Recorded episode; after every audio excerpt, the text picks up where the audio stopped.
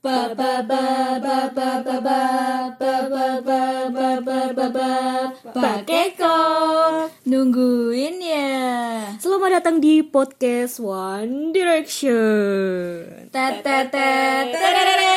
Jeng jeng Halo, aku Diana Vika, bukan Dian Sastro.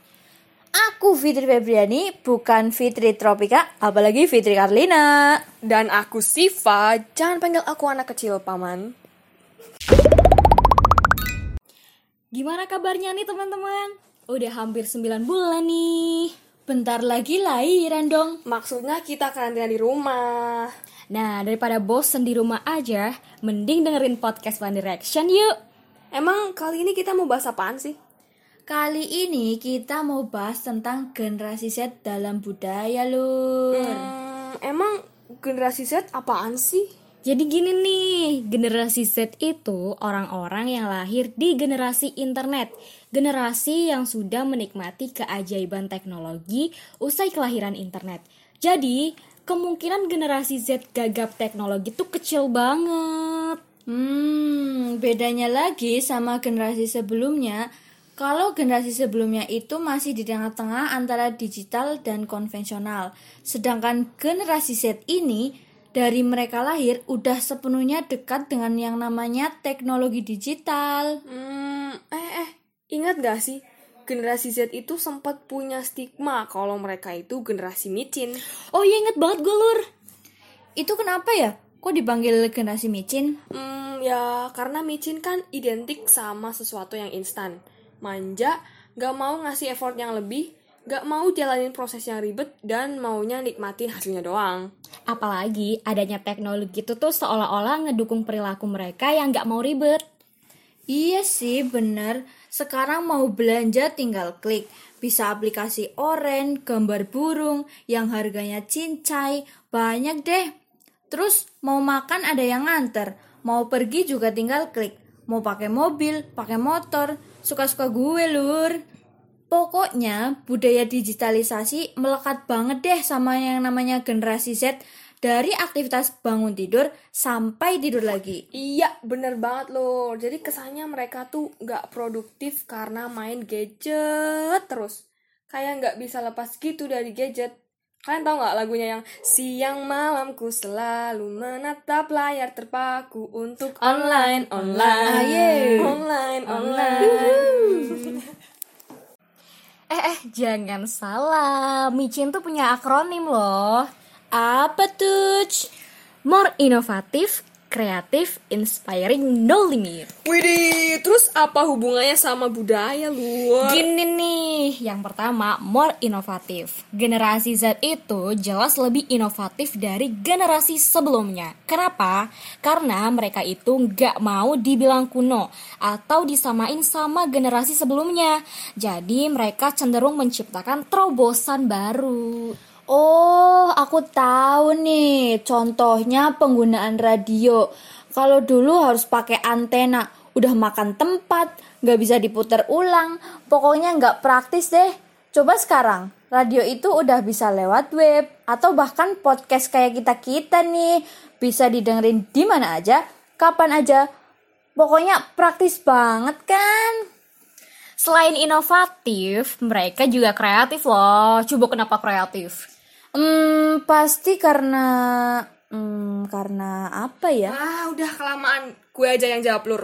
Jadi, generasi Z itu paling kreatif soal penyajian informasi.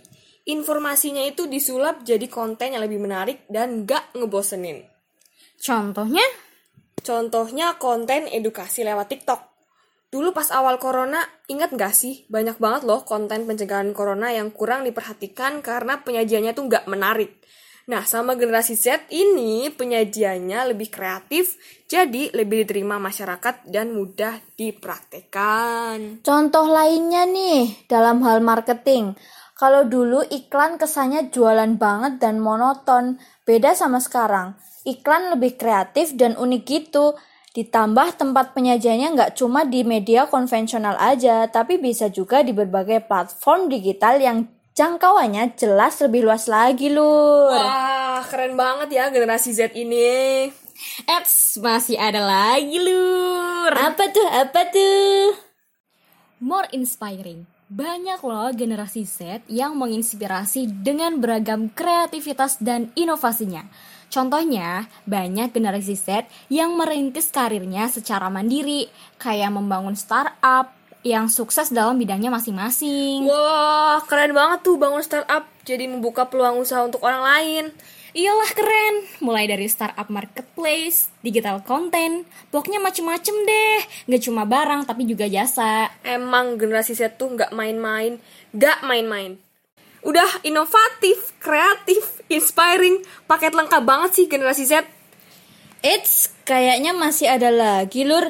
Last but not least nih. Ide keren gak tuh istilahnya? Last but not least. Apaan, apaan, apaan? Kasih tahu dong. Kasih tahu nggak ya? Ya udah nih, gue kasih tahu lur. Yang terakhir itu no more limits. Cakep. Bukan pantun lur. Jadi nomor limits di sini tuh generasi Z dalam berkarya itu mereka nggak kehabisan akal lur. Mereka bisa berkarya tanpa batasan ruang dan waktu. Misalnya nih kayak sekarang lagi corona nih, corona kan. Tapi mereka tetap bisa berkarya dari rumah kok, nggak ada batasan. Wah, pokoknya ada aja ya karya yang dihasilkan. Iya, mantep-mantep emang ya di balik sisi negatif pasti ada sisi positif yang bisa kita ambil juga. Kayak di luar sana pasti masih banyak yang memandang generasi Z itu generasi yang cenderung negatif. Padahal nggak juga sih, masih banyak kok generasi Z yang berprestasi. Apalagi kalau dikaitkan sama teknologi. Nah, Jadi apa nih hubungannya generasi Z dalam budaya digital sama micin? Generasi Z-nya jadi gurih apa gimana? Nggak gitu juga kali. Ya, jadi gimana Yan? lah kok gue sih lur? Jadi gini, gini, gini, gini. Oh gitu. Belum.